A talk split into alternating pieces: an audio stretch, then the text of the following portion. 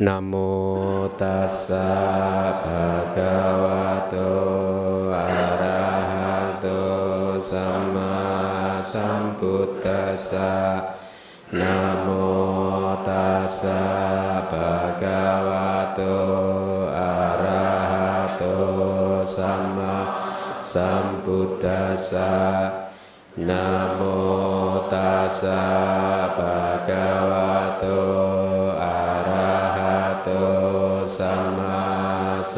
sambuddhassa Baik, uh, Suki Hontu, semoga Anda semua berbahagia. Kita memulai lagi kelas Abidama. Ini kelas yang pertama di semester ini ya. Tidak terasa kita sudah belajar Abidama selama satu tahun ya. Tidak terasa. Satu tahun ya. Dan sudah selesai dua bab. Yaitu bab tentang cita dan cetasika ya uh, sungguh membesarkan hati saya sebagai guru karena saya merasa sudah mendapatkan murid yang siap untuk mendengar. Karena hubungan guru dan murid di dalam proses belajar mengajar dhamma itu penting sekali. Ya kalau sudah ketemu frekuensinya sama itu jadi enak. Ya, saya juga sudah tidak merasa sungkan lagi untuk mengupas apa yang ada di kitab kitab kita meskipun itu kelihatannya sangat rumit ya sangat detail sangat dalam gitu. Saya udah tidak ada sungkannya. Kalau dulu awal-awal saya pulang ke Indonesia saya masih sungkan. Kasihan gitu ini saya bicara seperti ini yang mendengarkan paham enggak ini kalau sekarang saya udah percaya anda anda bisa mengejar uh, ketertinggalan anda ya dan apalagi uh, kita sudah mempunyai buku, ya tidak? Saya rasa buku yang jilid pertama itu, volume pertama itu akan menjadi buku yang sangat penting buat Anda karena Anda bisa senantiasa membolak-balik refer back terus kan mem mem memeriksa lagi memeriksa lagi gitu. Dan Anda kalau buku itu kan enaknya kalau mau menghafal katakanlah halaman 100 sekian ya sudah Anda tidak repot. Tinggal diberi tanda Anda hafalkan. Terus kalau rekaman YouTube itu kan kadang agak sedikit repot ya. Jadi saya harap dengan terbitnya buku kesadaran Abhidhamma Sanggaha jilid yang pertama akan membantu Anda untuk memahami uh, cita itu dengan lebih baik lagi sehingga karena uh, sehingga dengan pemahaman Anda tentang cita yang baik maka Anda akan semakin bisa menikmati pelajaran di bab-bab berikutnya. Ya. Di bab buku yang bab kedua tentang cetasika belum saya mulai tetapi saya usahakan nanti pada waktu Waisak bisa launching saya usahakan gitu ya. Saya masih punya waktu dua bulan saya untuk menyelesaikan itu ya. Dengan semakin banyaknya buku pegangan, buku referensi, maka tentu saja pelajar Anda akan uh, banyak diuntungkan ya. Jadi kita akan cepat maju ya.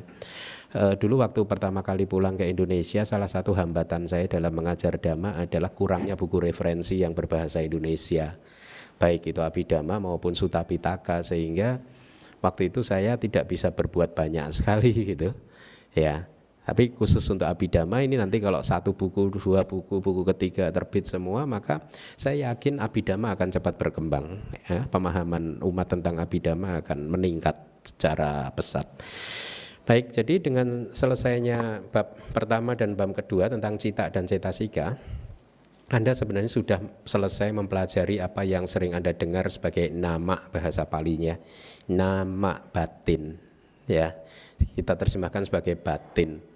Atau kalau bahasa Inggrisnya mind, nama dan rupa. Manusia itu sesungguhnya tidak lain dan tidak bukan hanyalah gabungan dari fenomena, proses dari fenomena batin dan fenomena uh, tubuh jasmani, ya. Nah, Anda sudah menyelesaikan separuh dari apa yang selama ini Anda anggap sebagai Anda. Separuh sudah Anda selesaikan, yaitu kesadaran dan faktor-faktor mental, ya. Nah, di dalam bab ketiga ini eh, apa yang sudah Anda pelajari akan kita pelajari lagi, tetapi eh, kita kelompok-kelompokkan eh, berdasarkan eh, perasaan, akar dan lain sebagainya nanti Anda akan pelajari. Jadi dengan demikian eh, di dalam bab ketiga ini nanti kalau Anda sudah selesai mempelajari bab ketiga, pemahaman Anda tentang batin akan menjadi lebih sempurna lagi. Nanti di bab keempat makin sempurna lagi, bab kelima lebih sempurna lagi. Nah ini menariknya abidama. Ya, semakin babnya bertambah, Anda akan masuk lebih dalam lagi, masuk lebih dalam lagi. Inilah mengapa dulu waktu belajar di Myanmar itu saya kagum dengan Acarya Anuruddha itu. Ya, kagum karena beliau bisa meringkas Abhidhamma Pitaka yang besar sekali volumenya hanya ke dalam satu buku kecil saja kira-kira 40-50 halaman buku kecil gitu di mana para biku biasanya diminta untuk menghafal Abhidhamma Tak Sanggaha itu. Jadi kecerdasan beliau itu kita mengakui gitu bisa meringkas buku yang sangat uh, besar volumenya dan pada waktu itu tidak ada komputer ya. Jadi semua berdasarkan memori gitu dan ringkasannya itu sampai hari ini masih dijunjung tinggi oleh para biku yang uh, yang menyukai abidama gitu. Yang tidak menyukai ya tidak. nah, uh, jadi di bab ketiga kita akan belajar bagaimana kemunculan dari kesadaran ya nanti dikaitkan dengan perasaan akar dan lain sebagainya tetapi sebelum kita masuk ke materi di bab ketiga saya ingin Eh, menyampaikan beberapa informasi sekilas saja tentang pancakanda karena saya ber, ini ini sebenarnya di luar materi abidama tak sanggaha di bab ketiga.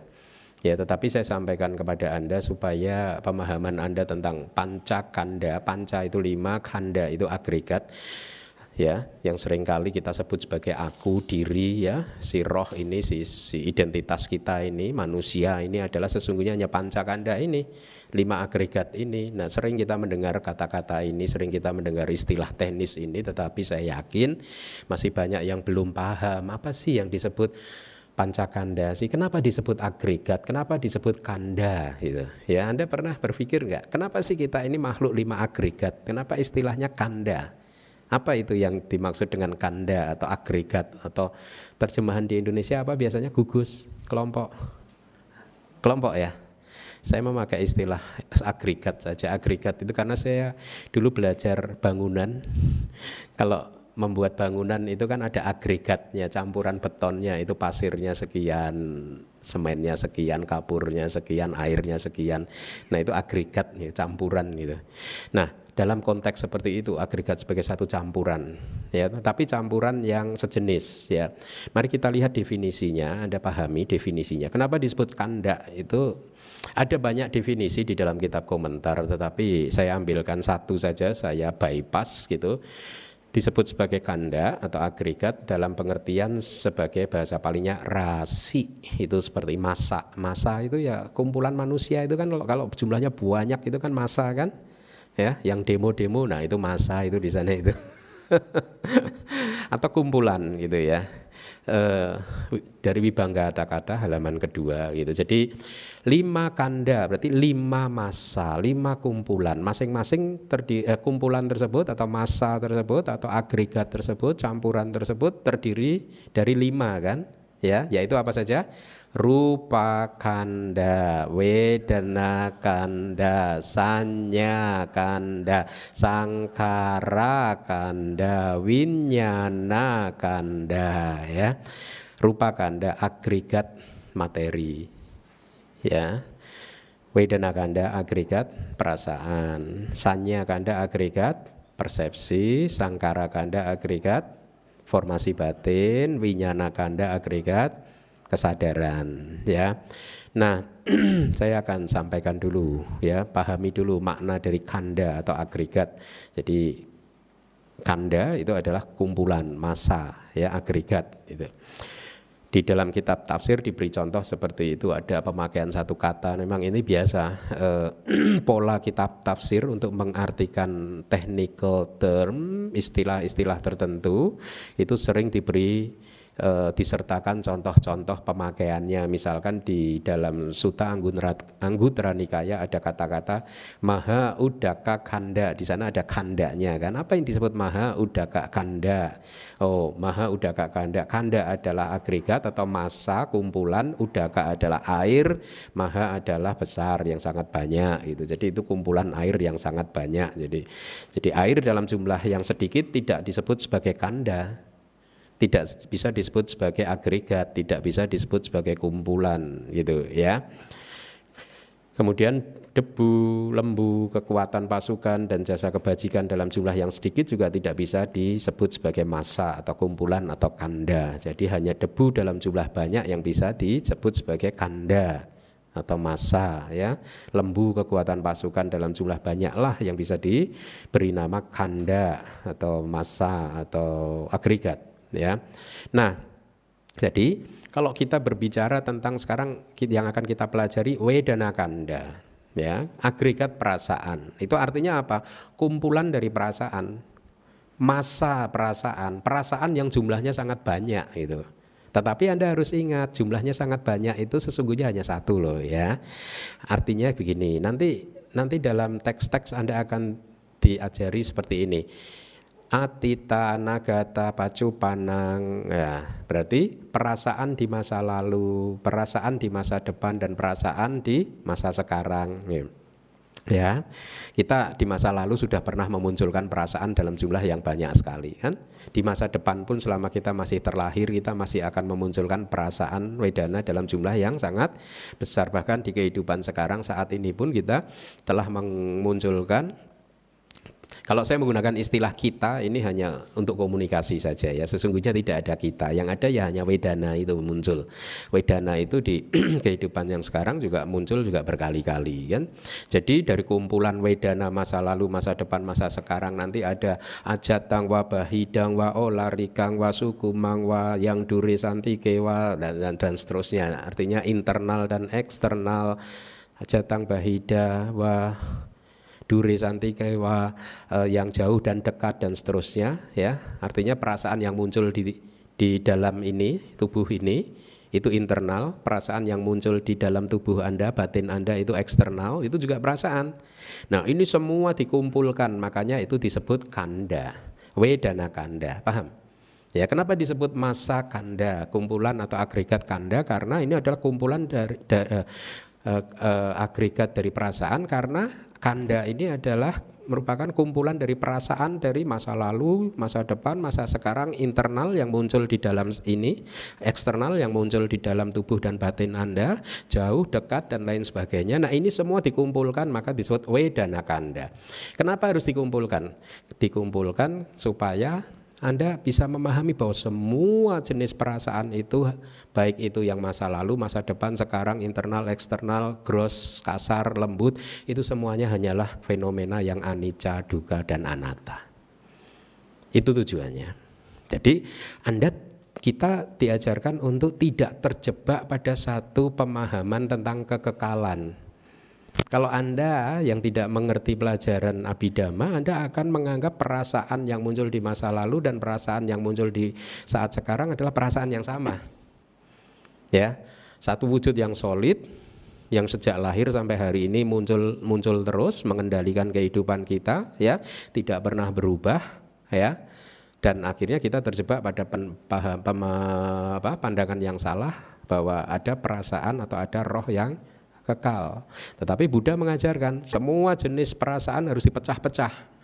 Bahwa ada perasaan masa lalu yang berbeda dengan perasaan sekarang, yang berbeda juga dengan perasaan yang masa yang akan datang, yang berbeda juga perasaan internal dan eksternal ini adalah dua fenomena yang berbeda, kasar dan lembut itu juga fenomena-fenomena yang berbeda. Masing-masing adalah fenomena individu yang mempunyai durasi ke kelangsungan eksistensinya itu cepat sekali muncul kemudian secepat kilat dia lenyap ya nah dengan memakai istilah kanda seperti ini sebagai satu kumpulan sebagai satu masa maka kita diajarkan oleh Buddha untuk supaya kita tidak jatuh pada pandangan salah bahwa perasaan di masa lalu, masa depan, masa sekarang apa pun itu juga itu anicca, duga dan anatta.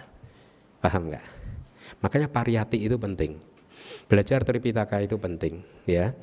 Karena dengan belajar Tripitaka Anda mempunyai peta untuk melakukan perjalanan spiritual Anda ya.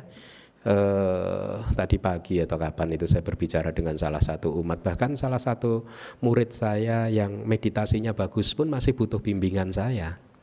Kenapa? Karena dia tidak mempunyai cukup pengetahuan dia masih harus membutuhkan petunjuk dari saya untuk menginterpretasikan, menunjukkan kepada dia gitu pandangan salah pandangan salah yang selama ini dia pegang gitu. Ya, karena kalau tidak ada petunjuk dari guru ya, Anda ingat nggak e, ceramah saya tentang 62 pandangan salah di kelas hari Minggu itu. Dari 62 pandangan salah itu hampir mungkin separuh atau hampir separuh pandangan salah itu muncul dari pertapa yang meditasinya bagus-bagus loh. Hmm? Bukan dari orang kota yang nggak meditasi, muncul dari pertapa loh. Eh, huh? Anda kalau dengarkan kelas hari Minggu 62 pandangan salah coba Anda buka. Hampir separuh dari pandangan salah muncul dari para pertapa yang pengalaman meditasinya sangat bagus sekali. Masih bisa jatuh pada pandangan salah. Inilah mengapa pariyati penting. Belajar Tripitaka penting. Jadi teruslah bersemangat untuk belajar Tripitaka dan saya pun juga bersemangat mengajar e, pariyati ini karena saya merasa ini hal yang bagus, hal yang penting gitu. Jadi kalau Anda mau bermeditasi ya syaratnya Anda harus belajar. Tidak bisa meditasi tanpa belajar. Pada akhirnya pun kalau Anda meditasi sukses Anda tetap harus belajar juga. Anda butuh bimbingan guru untuk uh, menuntun menerjemahkan pengalaman-pengalaman meditasi Anda ya. Nah, paham ya istilah kanda ya. Jadi dengan memakai istilah kanda kita diajarkan kepada Buddha bahwa semua jenis perasaan kapan pun di mana pun dalam kehidupan kapan pun dalam hal apa pun yang muncul di makhluk apa pun itu semuanya kumpulan masa semuanya itu adalah fenomena yang anicca, duka, anatta. Jadi sekarang Anda paham kenapa kita memakai istilah kanda ya. Baik, bagus. Kanda mempunyai karakteristik masa ya itu dari kitab Rasi Lakana Kanda ya atau mempunyai karakteristik bagian itu kota salakana kota salakana kanda bagian jadi kalau dalam kitab komentar diberi contoh seseorang mempunyai hutang satu juta, kemudian saya cicil lima kali ya, nah itu berarti bagiannya itu lima kali, itu kanda, lima kanda, itu pengertiannya begitu. Ya, jadi kita mempunyai pancakanda. Oh, ada bagian rupa, ada bagian wedana, ada bagian sanya, ada bagian sangkara, ada bagian winyana. Kira-kira pengertiannya seperti itu ya. Nah, ini bagus sekali Anda harus apa? Eh, pahami benar-benar ya istilah kanda. Jadi, wedana kanda itu berarti agregat atau masa atau kumpulan perasaan. Kumpulan dari semua perasaan nanti akan saya sampaikan. Kumpulan dari perasaan yang apa saja gitu ya. Nah, eh, jadi kumpulan dari semua fenomena perasaan ya yang pernah eksis di masa lalu gitu atau akan eksis di masa depan atau sedang eksis saat ini ya dan lain sebagainya ya. Mari kita lanjutkan. Dalam hal ini apa saja yang disebut sebagai agregat perasaan. Nah, ini saya ambilkan dari Wibangga, kitab kedua dari Abhidhamma Sanggaha itu. Nah, lihat itu apa pun. Uh, Perhatikan, perasaan apa pun baik itu yang ada di masa lampau, masa depan, saat ini, internal ataupun eksternal, kasar atau lembut, rendah atau tinggi, jauh atau dekat, yang diletakkan dan dikumpulkan di satu tempat, inilah yang dikatakan sebagai agregat perasaan. Kira-kira seperti itu, ya. Jadi apa pun perasaan itu yang dari ada 11 definisi sih kalau Anda perhatikan di sana. Atita nagata pacupana ajata wabahida wa olar Rika wa suku wa hina wa panita wa yang dure santi kewa itu ada sebelas Atita anagata pacupana masa lalu, masa depan dan sekarang ya. Internal dan eksternal, jauh dan dekat. Kemudian apa? Kasar dan lembut. Kemudian rendah dan tinggi ya. 11. Jadi ini klasifikasi yang diajarkan oleh Buddha untuk mengajar memberikan pemahaman kepada kita tentang kenapa disebut kumpulan masa kumpulan dari 11 poin tadi. Jadi semua fenomena yang ada di 11 titik tadi itu disebut kanda ya mereka semua anicca duka dan anatta ya. Nah eh, Ya, sebenarnya di dalam kitab Wibangga diberikan secara detail sekali sih apa sih yang disebut perasaan saat ini gitu, tapi Anda belum sampai di sana. Yang disebut saat ini adalah perasaan yang muncul di proses kognitif yang sedang berlangsung. Nah, Anda belum belajar proses kognitif. Proses kognitif itu ya proses mengenali objek yang saat ini sedang eksis, sedang berlangsung. Nanti di bab 4 Anda Anda akan belajar tentang itu. Ya. Perasaan yang muncul sebelum proses kognitif ini tadi muncul itu disebut masa lalu. Perasaan yang muncul setelah proses kognitif ini selesai disebut masa depan gitu. Ya. Hmm, baik. Ya, itu kanda. Mari kita masuk ke bab ketiga sekarang. Bab tentang serba aneka, serba aneka. Jadi serba serbi ini sebenarnya pakinaka itu jadi uh, miscellaneous jadi kumpulan dari banyak hal gitu ya. Syair dari Abhidhamma tak sanggahannya uh, silahkan dibaca yang kuning. Yuk dhamma yaitu kesadaran dan faktor mental yang berasosiasi berdasarkan sifat alamiahnya berjumlah lima stop berjumlah 53. Apa saja? Cita meskipun 89 atau 121 dianggap sebagai satu saja fenomena ya. Memang itu satu fenomena karena karakteristiknya sama yaitu mengenali objek. Kemudian yang 52 adalah cetasika. Masing-masing dihitung 52 plus 1, 53 ya. Poin 2.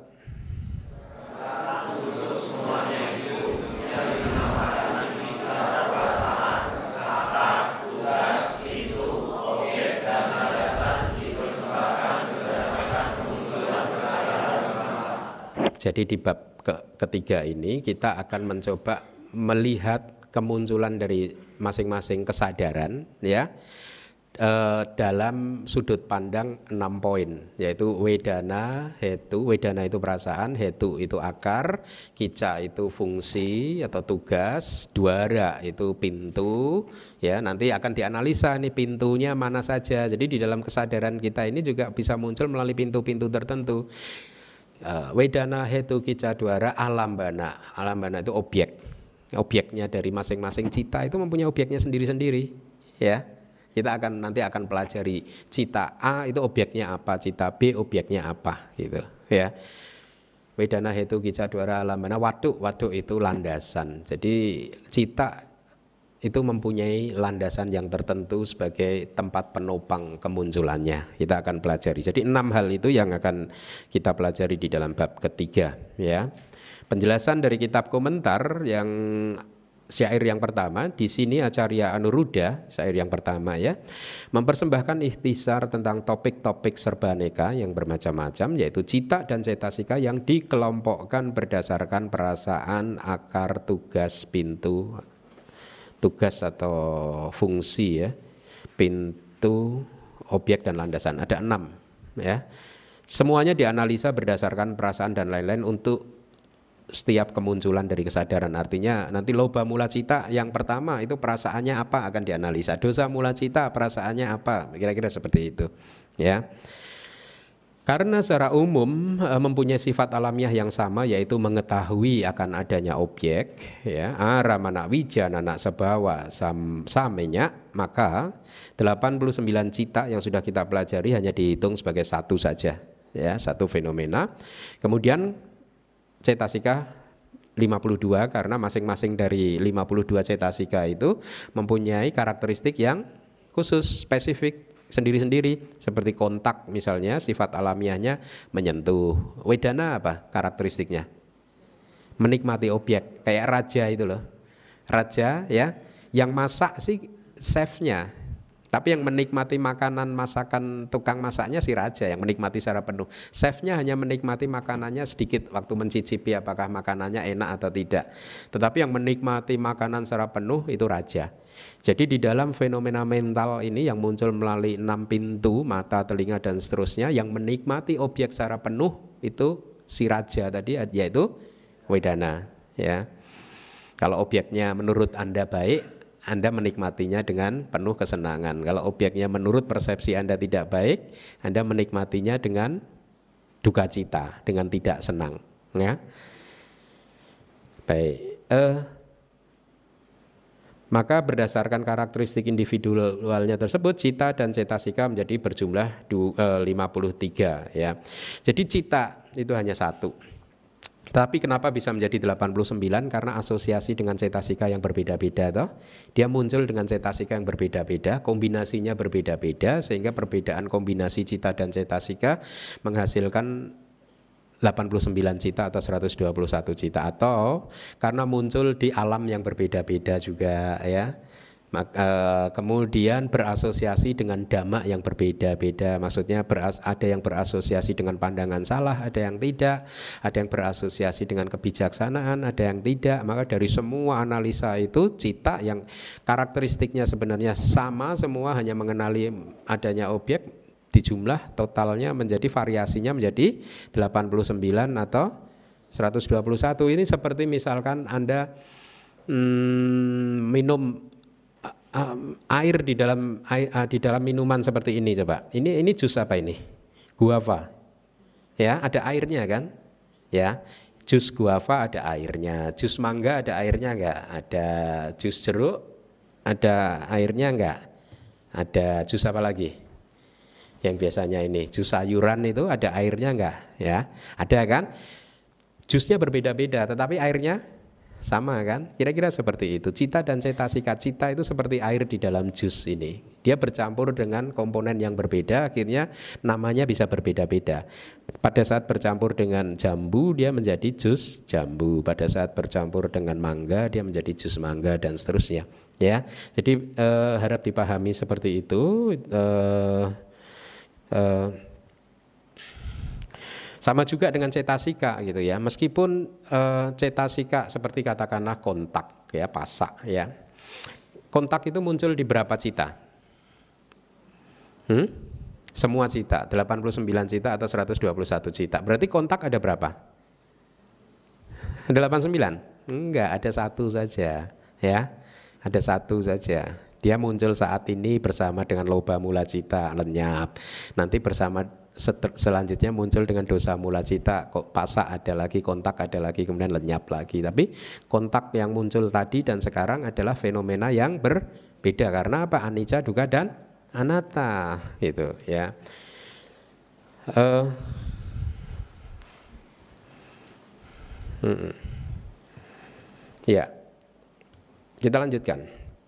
Poin yang kedua Ikhtisar topik-topik serbaneka atau ikhtisar perasaan Jadi ini dari syair yang kedua dan lain-lain akan dikelompokkan berdasarkan kemunculan dari masing-masing kesadaran ya. Jadi saya rasa ini masih mudah kita pahami. Mari kita lanjutkan. Silahkan dibaca yang kuning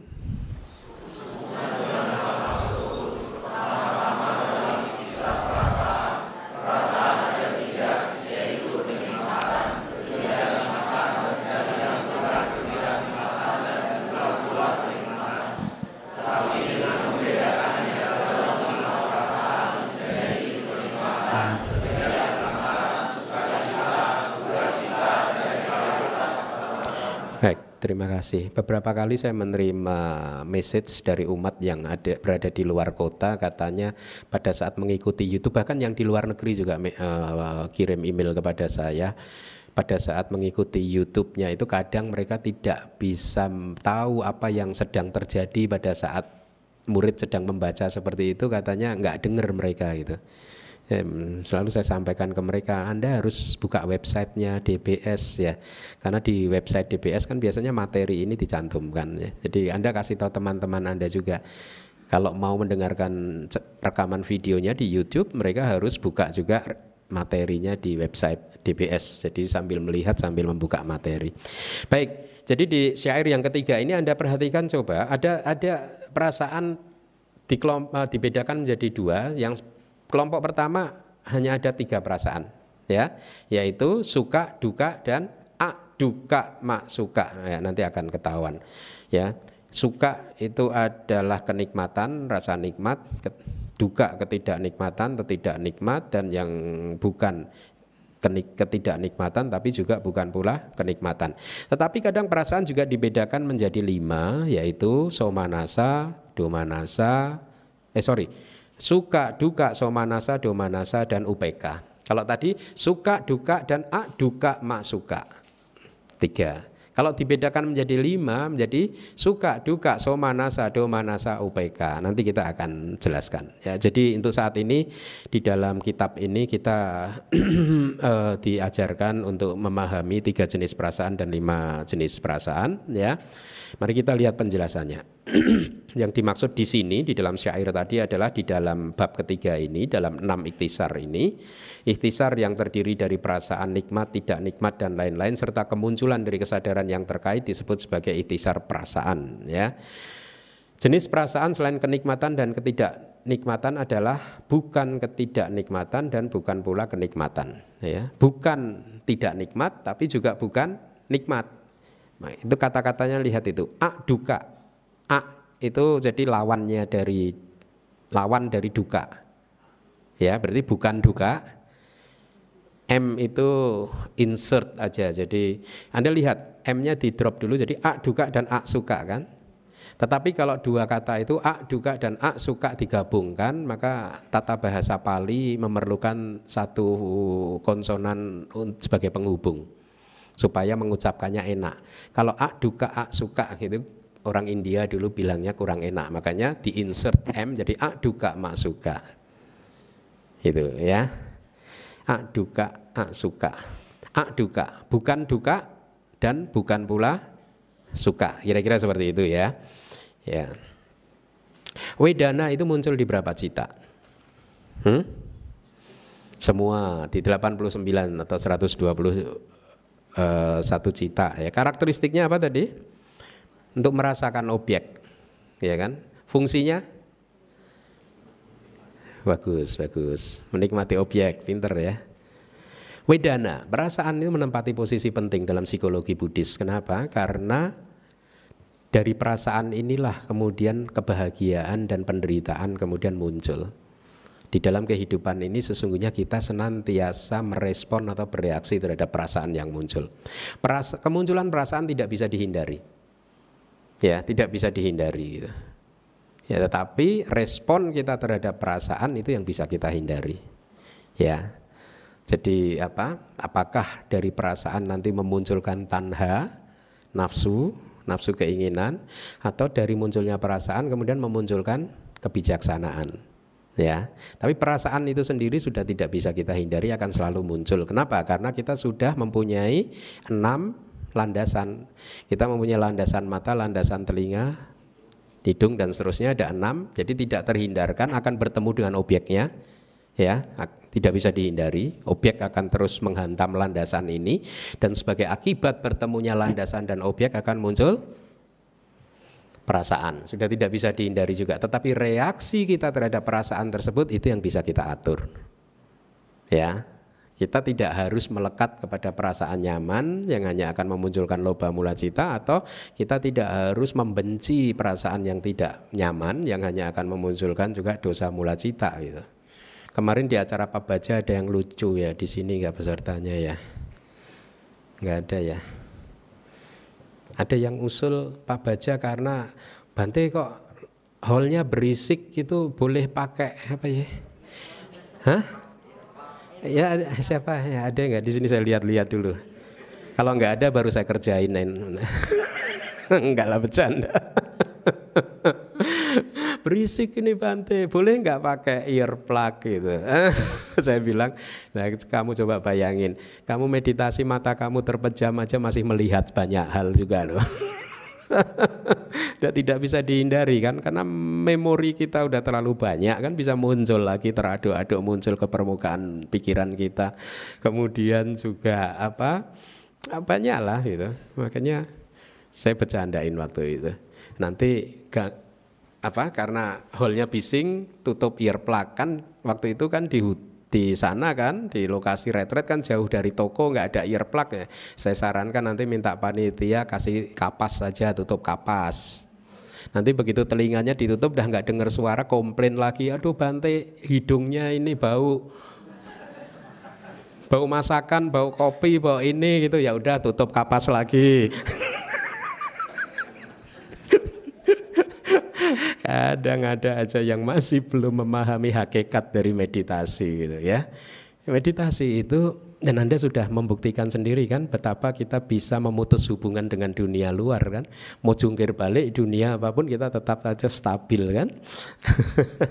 ya intermezzo. ya. Jadi itu tiga jenis perasaan. Tapi di suta kadang ada kalimat seperti ini. Wahai para biku ya, Terdapat dua jenis perasaan, ini kata-kata Buddha ini. Yaitu nikmat dan tidak nikmat. Dwe ma bikawe wedana suka duka. Ya ada. Jadi hanya ada dua perasaan gitu. Hanya ada suka dan duka. Nah, coba Anda bayangkan. Kalau Anda tidak suka kitab komentar, pada saat Anda membaca kalimat suta seperti ini coba, anda kira-kira akan bertengkar dengan teman-teman Anda yang mengatakan enggak lah perasaan ada lima gitu enggak kira-kira?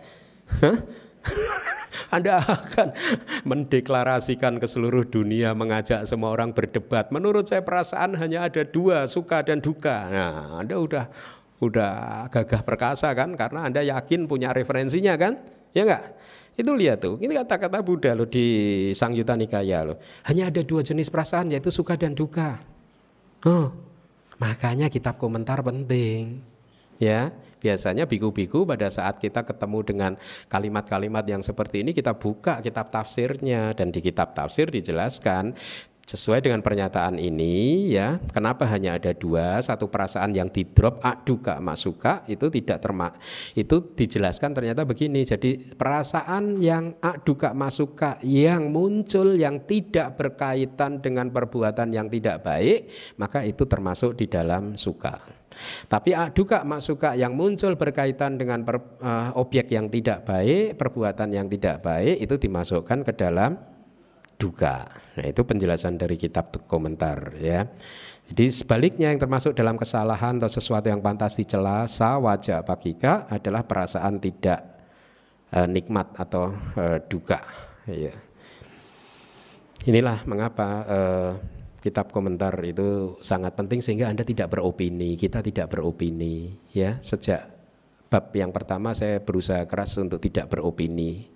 Ya, sehingga pertanggungjawaban saya terhadap diri saya sendiri secara psikologis juga enak. Saya tidak merasa bersalah, saya tidak merasa nanti kalau bersalah nggak bisa tidur. Nah. ya. Baik, kita lanjutkan. Nah, ada kalimat lagi seperti ini coba. Dalam hal ini ini juga kata-kata Buddha. Apa pun yang dirasakan adalah duka. Jadi perasaan apa pun yang muncul adalah duka.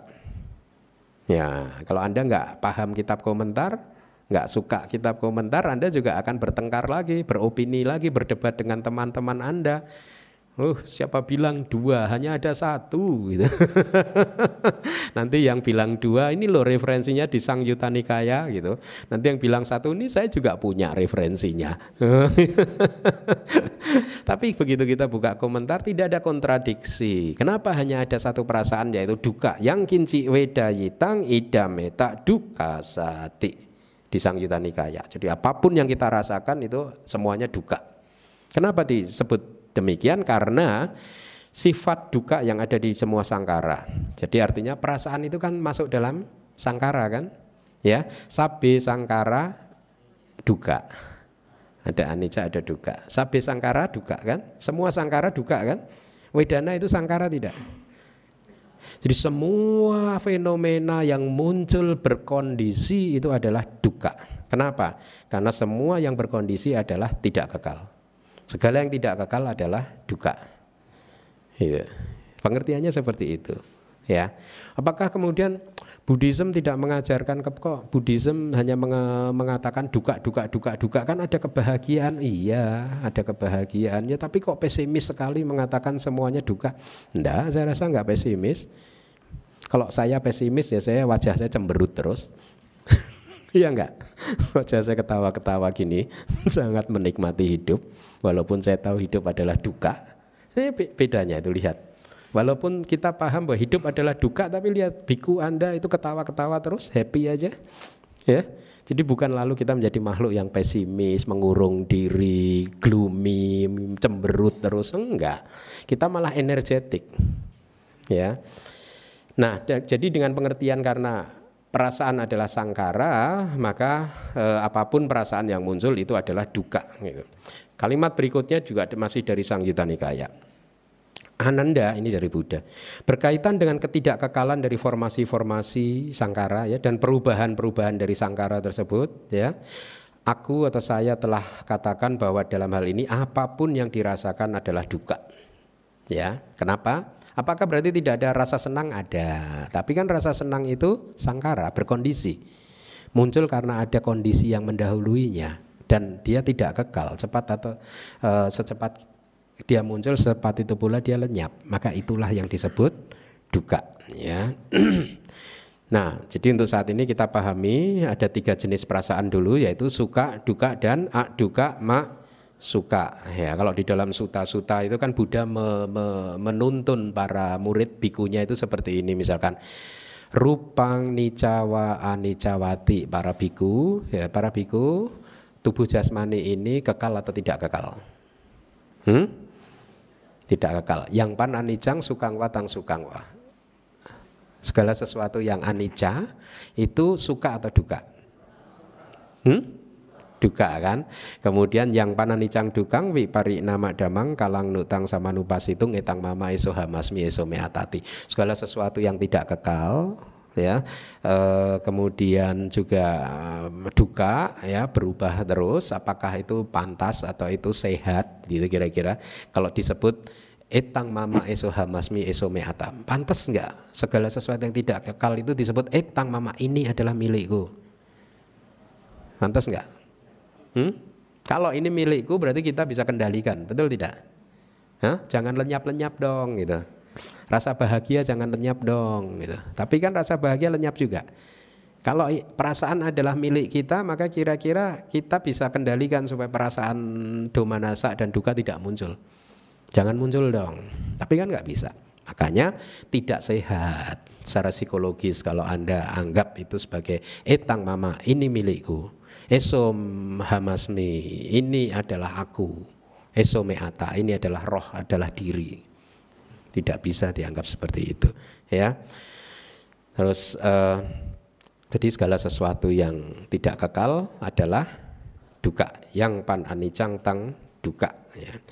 di dalam suta juga sebenarnya di dalam wibangga di dalam abidama juga kadang suka ketemu teks itu. Duka itu dibagi menjadi tiga ya. Ordinary duka duka yang biasa duka dukata duka yang biasa itu apa? Anda berjalan kemudian kaki Anda menabrak tembok sakit. Nah, itu duka ordinary yang biasa saja atau uh, Anda sakit kepala, sakit demam, itu sakit duka yang biasa saja kan? Ya. Tetapi ada juga duka yang lain yaitu yang wi pari nama duka yaitu duka karena perubahan. Atau perubahan itu sendiri adalah duka itu. Ya. Jadi berbeda dengan ordinary duka tadi ya dengan duka yang biasa tadi. Kalau wipari nama duka duka karena perubahan atau perubahan itu sendiri adalah duka itu diberi contoh di dalam abidama itu meskipun seseorang terlahir di alam Brahma yang paling tinggi pun ya dengan mempunyai masa kehidupan rentang usianya 80 ribu mahakalpa katakanlah. Panjang sekali kan? Lama sekali kan? Tetapi cepat atau lambat kan dia harus keluar dari sana. Maka meskipun dia hidup di sana penuh dengan kebahagiaan itu pun masih disebut duka. Kenapa? Karena menjadi sebab nanti munculnya penderitaan. Kalau dia keluar dari alam Brahma tersebut maka perasaan menyenangkan akan ganti menjadi perasaan tidak menyenangkan. Nah, karena menjadi landasan, jadi dasar munculnya perasaan tidak menyenangkan, maka meskipun dia hidup di surga atau di alam Brahma yang paling tinggi, tetap saja kehidupannya itu disebut duka karena perubahan. Ya, cepat atau lambat akan berubah kehidupannya di sana. Ya. Tetapi kalau Anda nanti belajar abidama lagi, Anda akan diajarkan untuk menganalisa dengan lebih lengkap, lebih detail lagi bahwa Definisi duka tidak hanya sebatas Anda terlahir di alam Brahma dan hidup di sana selama 80 ribu mahakalpa penuh dengan kebahagiaan dan setelah keluar dari sana Anda kebahagiaan Anda lenyap maka itu adalah duka bukan. Kalau Anda belajar Abhidhamma nanti Anda akan diajarkan untuk melihat fenomena apa pun itu juga selalu dibombardir oleh muncul lenyap, muncul lenyap, muncul lenyap, muncul lenyap. Jadi keadaan dibombardir oleh muncul dan lenyapnya fenomena, keadaan dibombardir oleh muncul dan lenyapnya kanda, itulah yang disebut duka. Jadi pemahaman kita tentang duka masuk lebih dalam lagi gitu. Ke partikel yang sangat kecil dalam durasi waktu yang sangat pendek sekali. Jadi keadaan diserang terus dibombardir oleh muncul lenyap, muncul lenyap, muncul lenyap, muncul lenyap itu adalah duka. Ya, anda dibombardir nggak di dalam kehidupan Anda oleh muncul lenyapnya fenomena kanda-kanda Anda itu? Dibombardir ya oleh pancakanda Anda, dibombardir. Itulah yang disebut duka. Tapi apakah Anda tidak bisa bahagia dalam kehidupan ini? Bisa kan? Apakah berarti Anda kemudian tidak bisa menikmati kehidupan ini? Justru karena kita paham bahwa kehidupan adalah duka, maka kita bisa lebih menikmati kehidupan ini. Justru ini yang eh, kadang orang tidak melihat bahwa bahwa ternyata dengan pemahaman bahwa pancakanda ini adalah duka, pancu padana kanda duka, ya lima kelompok atau lima agregat yang menjadi objek kemelekatan itu adalah duka, justru pada saat pemahaman itu menguat, kita makin bisa menikmati kehidupan. Kehidupan menjadi lebih ringan lagi. Banyak beban-beban psikologis yang bisa diselesaikan, ya. Nah yang ketiga tadi nama duka karena perubahan. Yang ketiga adalah sangkara duka. Sangkara duka. Jadi sangkara itu sendiri adalah duka ya. Semua fenomena yang terkondisi itu adalah duka. Jadi apa pun ya semua segala sesuatu yang terkondisi pancakanda yang terkondisi pun itu adalah eh, duka. Ya. Baik, jadi di dalam abidama nanti Anda memahami terminologi duka seperti itu tadi ya bahwa segala sesuatu keadaan dibombardir oleh segala sesuatu muncul lenyapnya segala sesuatu itulah yang disebut duka. Tetapi bukan berarti kita tidak bisa menikmati kehidupan. Ya. Baik mari kita lihat lagi. Nah sekarang kita akan menganalisa perasaan menjadi lima ya. Sebagai daya pengendali ini ada istilah teknis indria. Indria atau indra itu artinya raja ya. Kalau perasaan menjadi raja, ya dia akan menguasai wilayahnya masing-masing. Ya raja itu kan menguasai kerajaannya kan, ya. Seorang raja menguasai kerajaannya. Suka Wedana kalau dikatakan sebagai raja, dia menguasai wilayah tubuh saja. Ya, tubuh pada saat tubuh bersentuhan dengan objek yang menyenangkan, maka akan muncul suka wedana di tubuh. Jadi artinya semua fenomena cita dan cetasika yang muncul pada saat itu itu di bawah kendali sukawedana sebagai rajanya. Atau kalau duka wedana sebagai raja, dia akan mengendalikan semua cita cetasika yang e, menangkap objek yang tidak menyenangkan, yang berbenturan dengan tubuh. Gitu. Oleh karena itu kalau misalkan katakanlah ini tangan kita kena ujung dari kayu ini terasa sakit ya semua cita-cita sika udah enggak kita enggak ini yang yang kelihatan nyata perasaannya saja kan? Ya enggak? Karena dia sebagai raja. Gitu. Cita dan cetasika yang lain udah ikut rajanya. Yang ada hanya rasa sakit aja akhirnya. Ya. Jadi Wedana sebagai indria, sebagai raja dibedakan menjadi lima, yaitu kalau tadi kita mengenal suka, duka, duka, masuka, Anda lihat ke tabel, suka wedana dipecah menjadi dua. Ya, lihat tabel sebelah kanan di lima jenis perasaan. Suka wedana dipecah menjadi suka wedana sendiri yang muncul di berkaitan dengan tubuh dan somanasa wedana yang berkaitan dengan mental. Misalkan Anda teringat pada anak Anda muncul perasaan bahagia kan? Sukacita kan?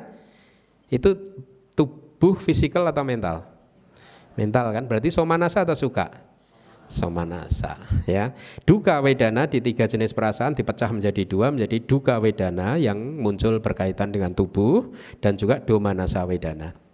Ya, pada saat tangan Anda kena kayu yang keras ini duka wedana. Ya, atau domanasa?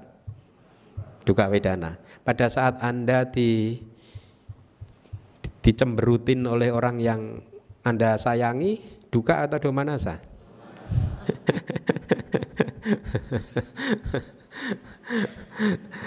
Kalau di Myanmar kadang ya meskipun begitu kita kadang suka mengistilah um, ekspresi kita suka duka sih deh gitu. Tetap pakai duka kadang gitu. Artinya menderita karena dengan pengertian yang tadi di sebelumnya tadi semua perasaan kan duka kan. Ya. Dulu kalau kalau kalau ujian dapat nilai jelek itu teman-teman suka aduh duka sih deh gitu artinya ada duka gitu hatinya sedang tidak bahagia gitu ya nah duka mak suka wedana berubah istilah menjadi UPK. Jadi Anda Anda pahami ya istilahnya berbeda ya. Di tiga perasaan termnya terminologinya adalah a duka mak suka. Di lima perasaan berubah menjadi UPK. Ya. Nah, jadi lihat bahwa suka wedana itu mengendalikan semua cita-cita sika yang mengambil objek yang berkaitan dengan tubuh ya. Soma nasa wedana mengendalikan cita-cita sika yang muncul pada saat batin kita menikmati objek yang menyenangkan. Demikian pula dengan duka dan suka ya. Tetapi aduka masuka kenapa e, tidak dibedakan menjadi fisik dan mental? Hanya mental saja. Karena aduka masuka selalu mental, tidak ada berkaitan dengan fisik. Kaya wedana kan hanya suka dan duka tuh. Hah? Kaya winyana, kesadaran tubuh ada berapa? Dua jenis kesadaran tubuh, perasaan yang menyertainya yaitu suka dan duka. Baik. Nah, mari kita lihat karakteristik dari perasaan ya. Dari lima jenis perasaan tadi kita urai satu persatu. Suka itu mempunyai karakteristik untuk merasakan objek sentuhan nih ingat sentuhan. Yang berkaitan dengan pengindra kita kulit kita kan tubuh kita yang menyenangkan.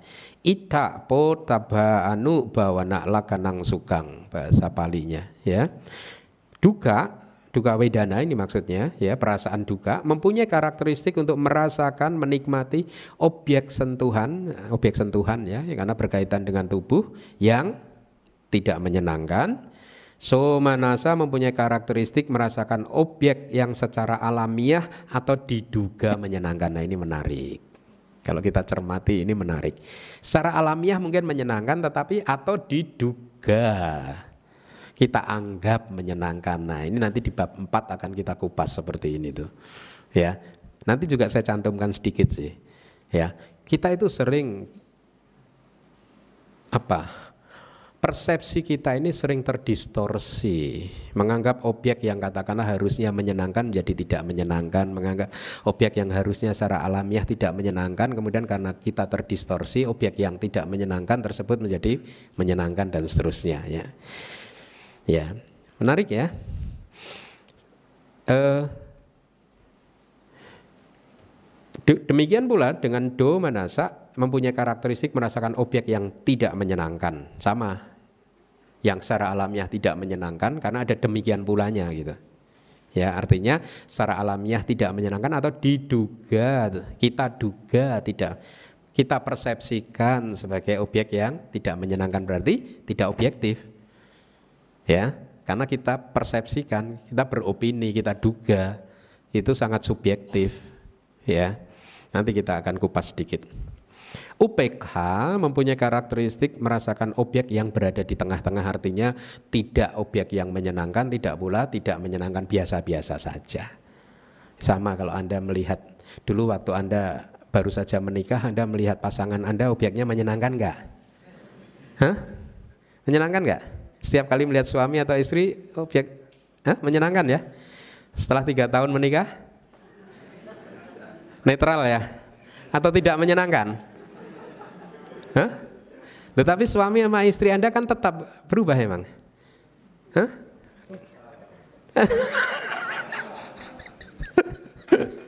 Nah itulah makanya tadi kata-katanya ada atau diduga. makanya bisa berubah. Hah? Kalau dia secara alamiah memang menyenangkan maka tidak berubah. Persepsinya tidak akan berubah. Kok setiap kali saya bicara gitu Anda semua ketawa berarti Anda membenarkan ya? Memang itu kejadian yang terjadi di semua rumah tangga ya. Hah? Ternyata tidak seindah warna aslinya ya.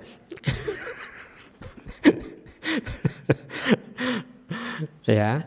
UPK jadi berada di tengah-tengah ya di antara objek yang menyenangkan dan tidak menyenangkan. Mari kita lihat ini dari kitab Wibangga kata-kata, kitab komentar dari uh, Wibangga itu kitab kedua dari Abhidhamma Pitaka. Faktor-faktor yang menentukan objek ya.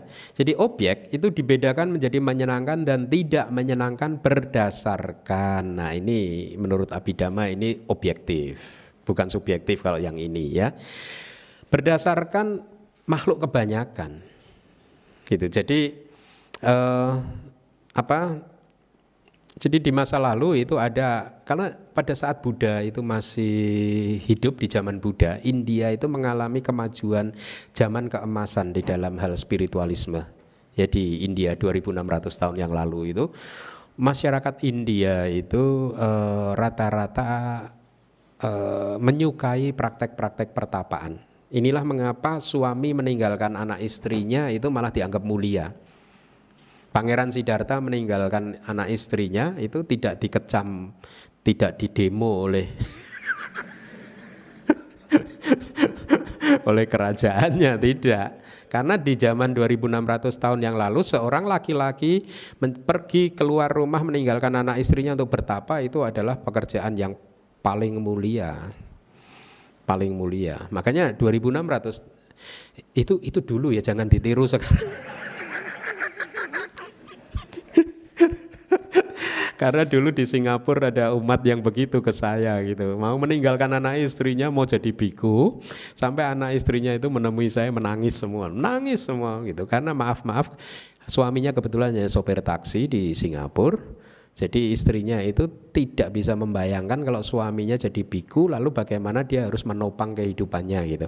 Waktu suaminya ketemu sama saya dia berargumen gini, ya kan kita punya HDB itu bisa dijual 400 ribu sing habis itu dia pulang loh ke Melaka katanya gitu. Ke Malaysia kan bisa hidup pensiun di sana dengan 400 ribu sing gitu. Aduh ya kan hidup nggak hanya sebatas begitu ya. Bagaimana tanggung jawab Anda kepada anak istri Anda gitu. Dan Anda kalau menyakiti anak istri Anda kehidupan kebikuan Anda juga tidak akan tenang saya bilang gitu kan. Jadi diselesaikan dengan baik ya supaya anak istri juga tidak nangis-nangis. Saya sarankan seperti itulah. Ya kalau nangis-nangis terus ya tunggu yang sabar. Terus dia jawabannya dulu ini kalau Pangeran Sidarta dengerin Bante Keminda nggak akan ada Buddha Bante itu.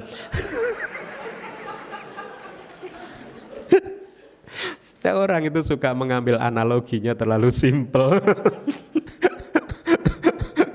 saya bilang, hei, Pangeran Siddhartha namanya aja pangeran loh, pangeran tunggal loh, dia itu pewaris tahta loh, gitu ya. Jadi kalau dia meninggalkan minimal anak istrinya secara ekonomi itu kan sudah kecukupan. Satu itu kedua waktu itu budaya masyarakat India mengizinkan itu. Itu adalah satu pekerjaan yang mulia, makanya jangan Anda tiru.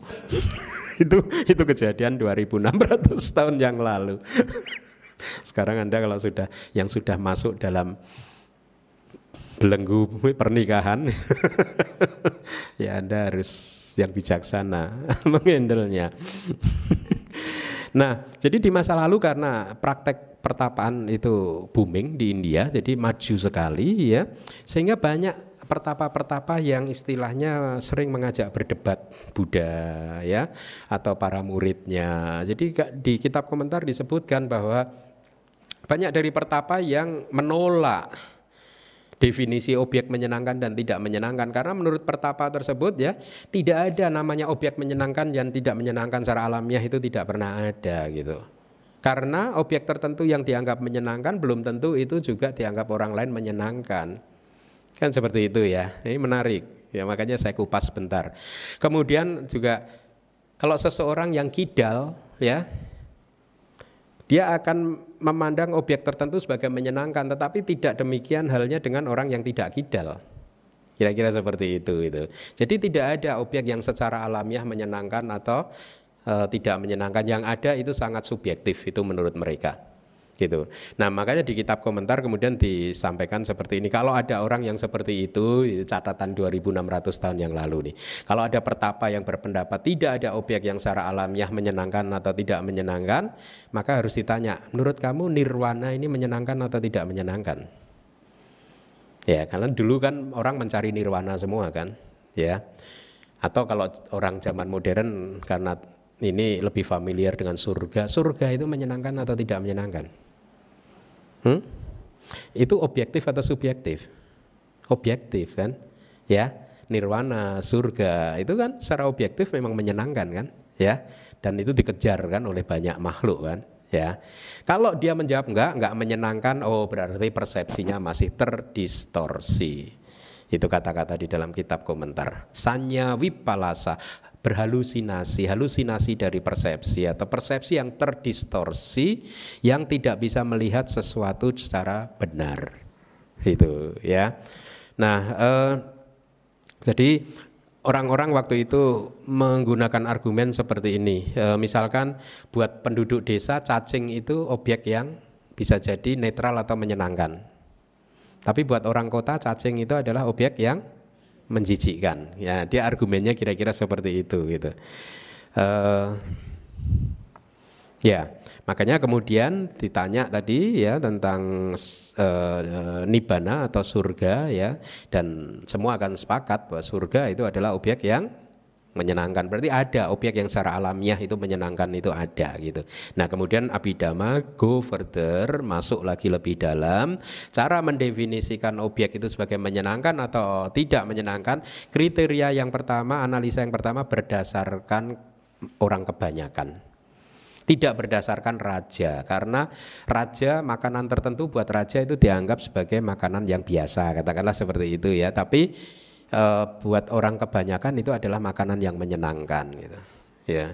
Atau buat orang yang terlalu bawah rakyat yang level bawah menganggap makanan sisa itu adalah objek yang menyenangkan. Tetapi buat orang yang di atas level tengah dan atas makanan sisa adalah objek yang menjijikkan gitu.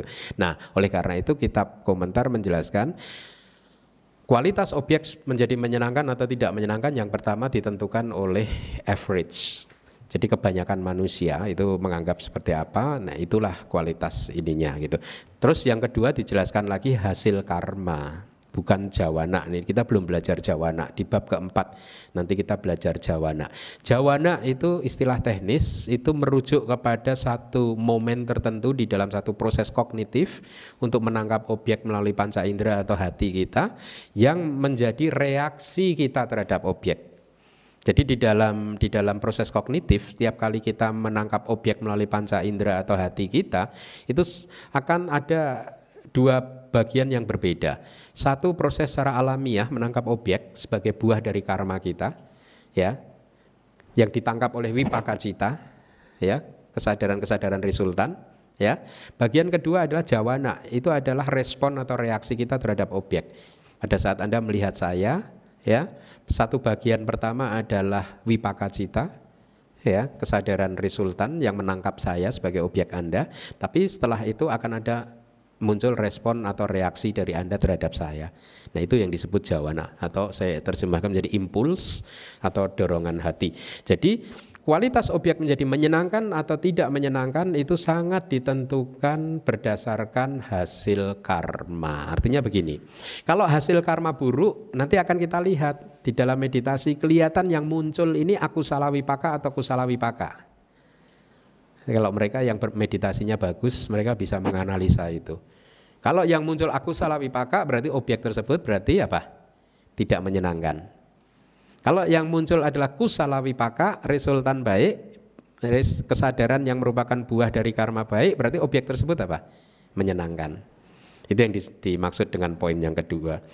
Impuls yang dipengaruhi oleh persepsi yang terdistorsi ya atau sanya wipalasa bisa saja menyukai objek yang menyenangkan tetapi di saat yang berbeda bisa berbalik membencinya itu kayak Anda lah pada suami atau istri Anda ya enggak? Ya enggak, ya enggak, ya enggak.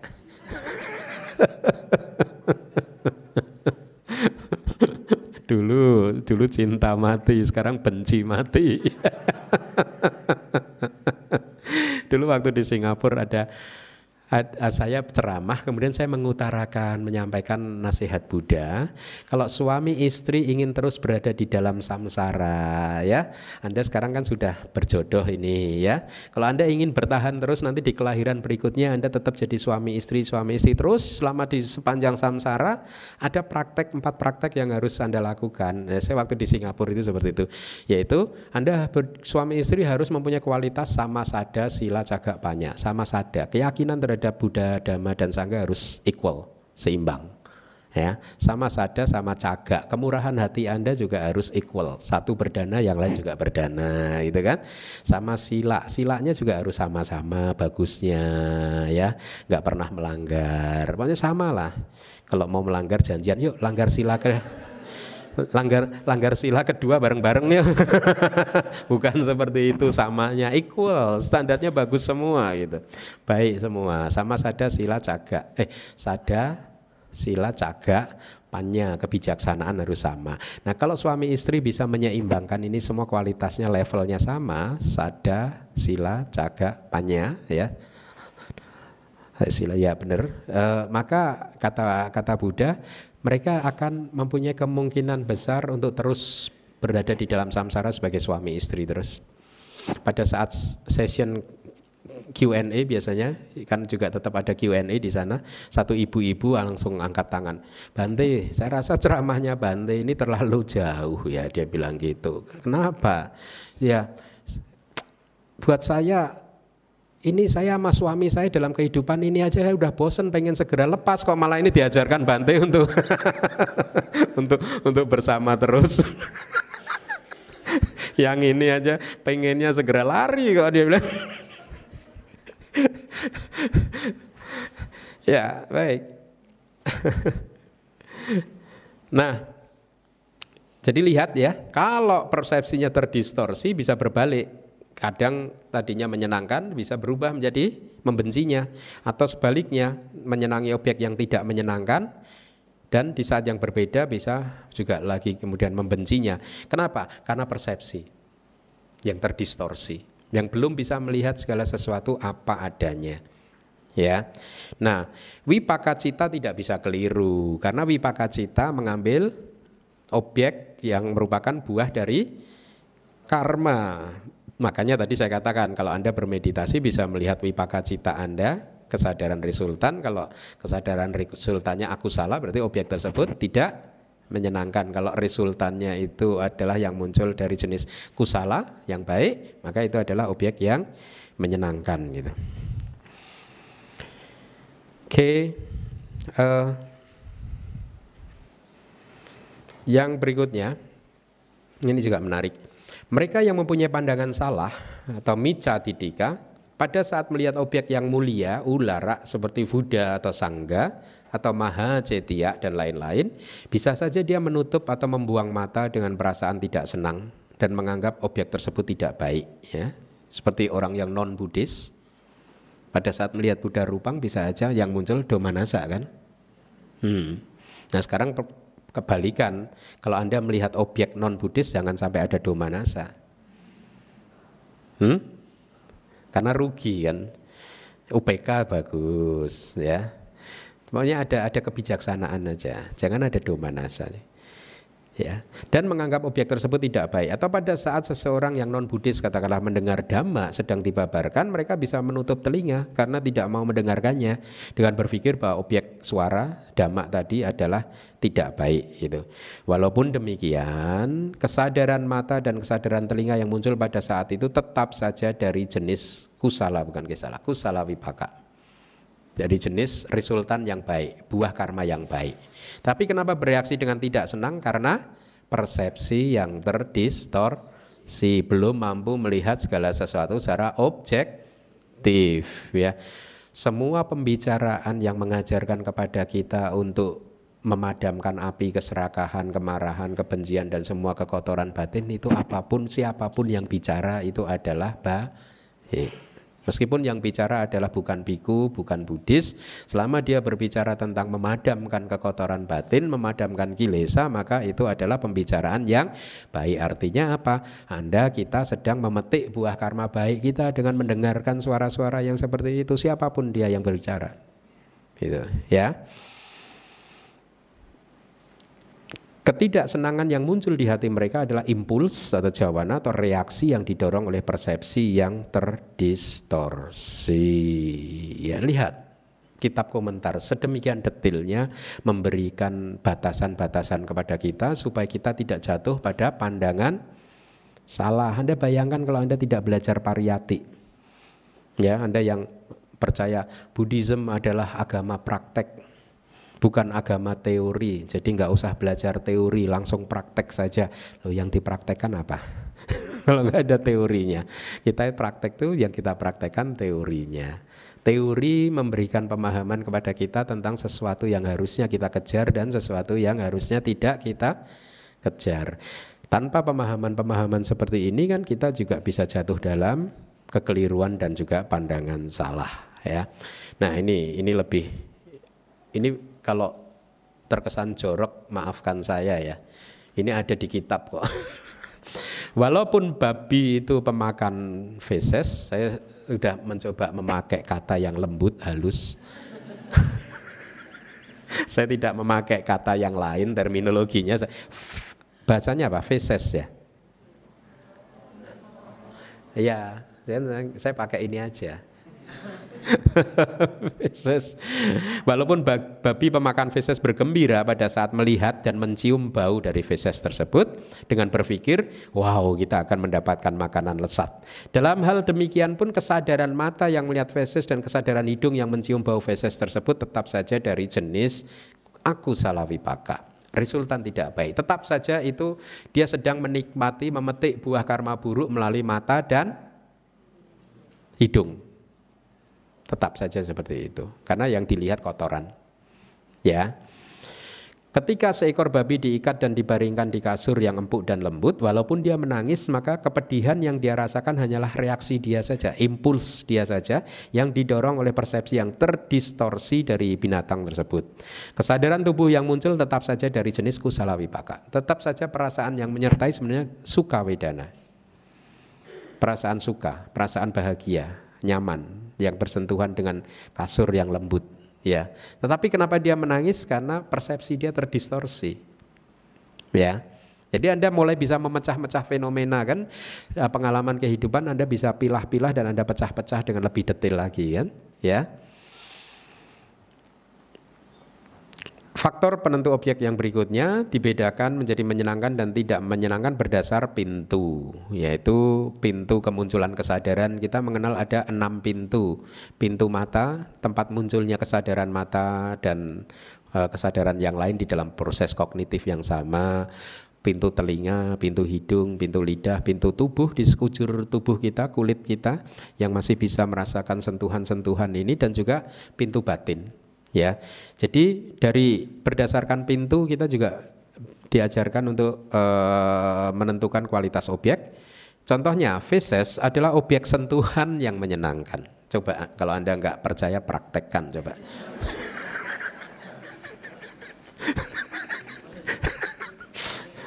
Iya dong.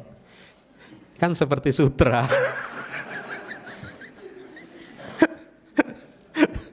Lembut selembut sutra. Ya enggak? Coba praktek. Jadi untuk kesadaran tubuh feses adalah baik. Karena lembut selembut sutra kan? Ya. Tapi untuk pintu mata? Enggak baik. Untuk pintu hidung? Enggak baik.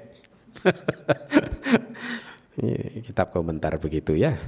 Maafkan Seseorang yang tertabrak oleh roda cakawati, roda cakawati. Jadi di dalam cerita-cerita kuno India itu ada raja diraja yang menguasai empat benua, empat samudra. Itu namanya Raja Cakawati dan dia mempunyai roda yang sakti. Dari roda ini katanya dia bisa melakukan perjalanan dari ujung dunia yang satu ke ujung dunia yang lain. Jadi kayak pesawat terbang jet pribadi gitu. Ya. Jadi kayak jet pribadi diceritakan dalam kitab dia bisa melintasi dunia ini dengan cepat sekali dengan roda cakawati. Pada saat dia tertabrak oleh roda cakawati, tetap saja kesadaran mata yang melihat roda tersebut itu dari kusala wipaka karena melihat matanya melihat sorry melihat objek yang baik. Tetapi kesadaran tubuh yang terkena tertabrak oleh roda cakawati adalah aku salah wipaka. Perasaan yang muncul apa? Duka we dana ya. Nah, Uh, baik, syair yang keempat yang warna kuning mohon dibaca. Sehubungan dengan hal tersebut, kesadaran tubuh ris. Ya, jadi kalau Anda sedang memetik buah karma baik Anda melalui tubuh, perasaan yang menyertai selalu saja suka wedana. Itu yang dimaksud. Kemudian yang berikutnya terdapat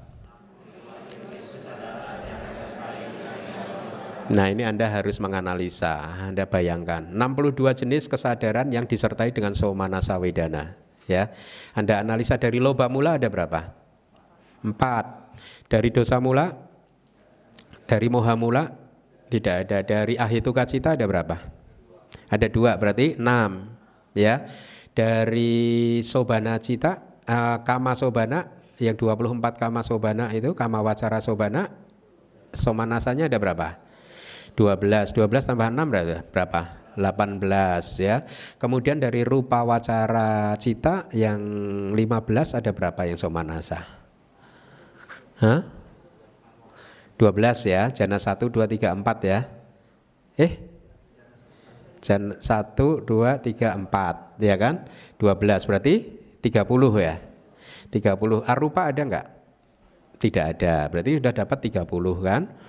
Kemudian dari maga pala itu kan 20 maga cita, maga cita. 20 maga cita ada berapa?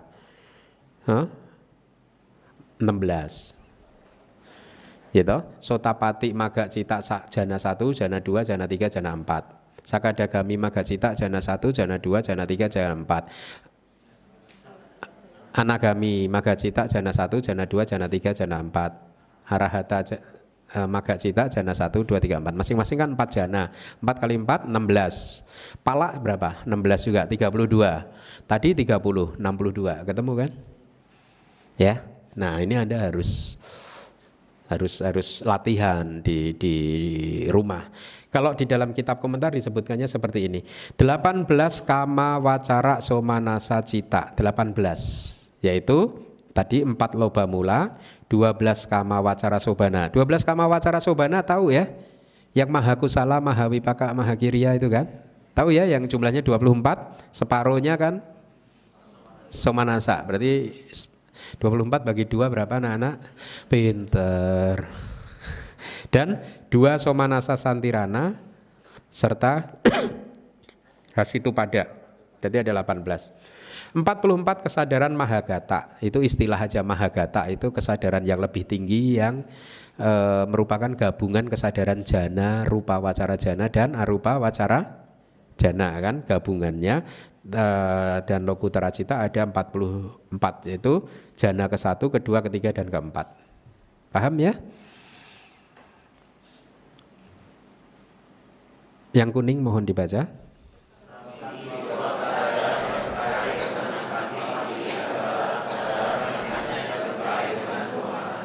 Paham ya, mudah yang ini.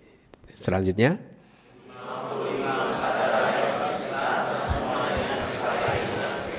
Nah ini di tabel ini harusnya ada 55 Anda nanti pelajari sendiri yang 55 cita yang uh, uh, disertai dengan UPK itu halaman kedua ya.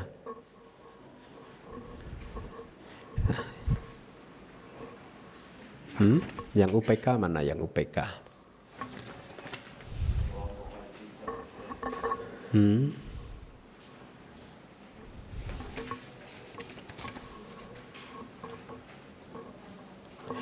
Yang halaman terakhir tuh. Yang UPK halaman terakhir 55 itu. Cita dengan perasaan netral, aku salah UPK ada berapa? Yang aku salah. Loba mula ada berapa? Empat. Dosa mula? Tidak ada. Moha mula? Dua. Berarti enam kan di sana kan? Aku salah UPK. Ahituka UPK ada berapa? Di situ kan 14. Apa saja? Kesadaran mata, telinga, hidung, lidah. Kali dua. Berarti delapan kan? Kemudian sampaticana juga dua berarti sepuluh kan. Kemudian santirananya ada yang UPK ada dua juga berarti dua belas kan. Dua belas kemudian panca duara wajana yaitu yang mengarahkan ke lima pintu uh, pintu panca indera yang dari terakhir itu yang ahituka itu yang kiriya ya satu kan.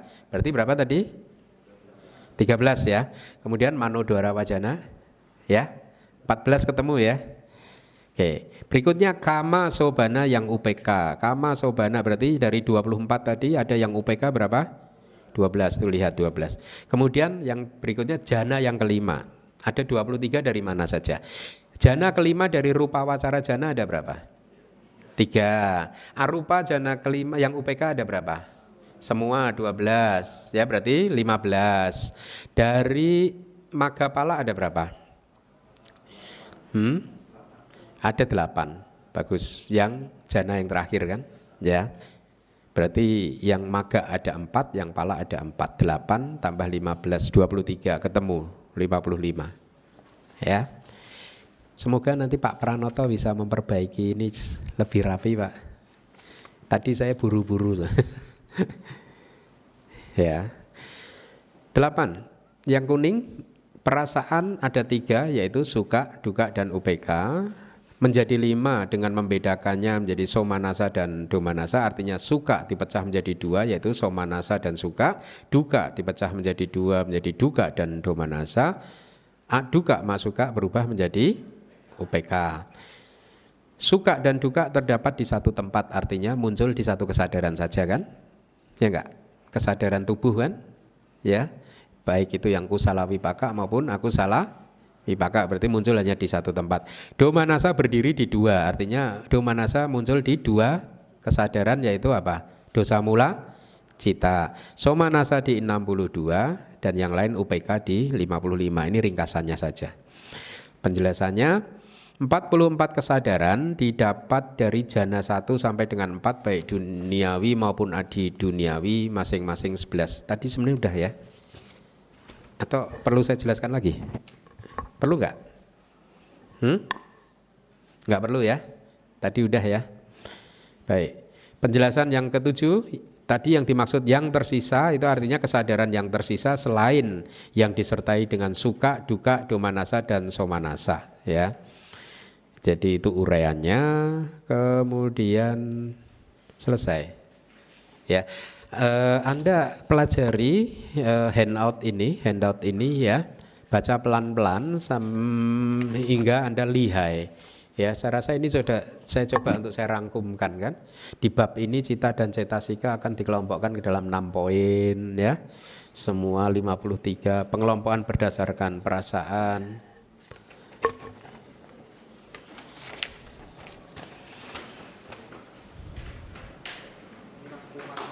Hmm? Hmm, -mm. Rangkuman. Ya, Anda pelajari ini. Saya rasa ini bagus. Buat yang di luar kota nanti Anda bisa download yang nih, untuk yang di luar kota download di website. Baik, terima kasih.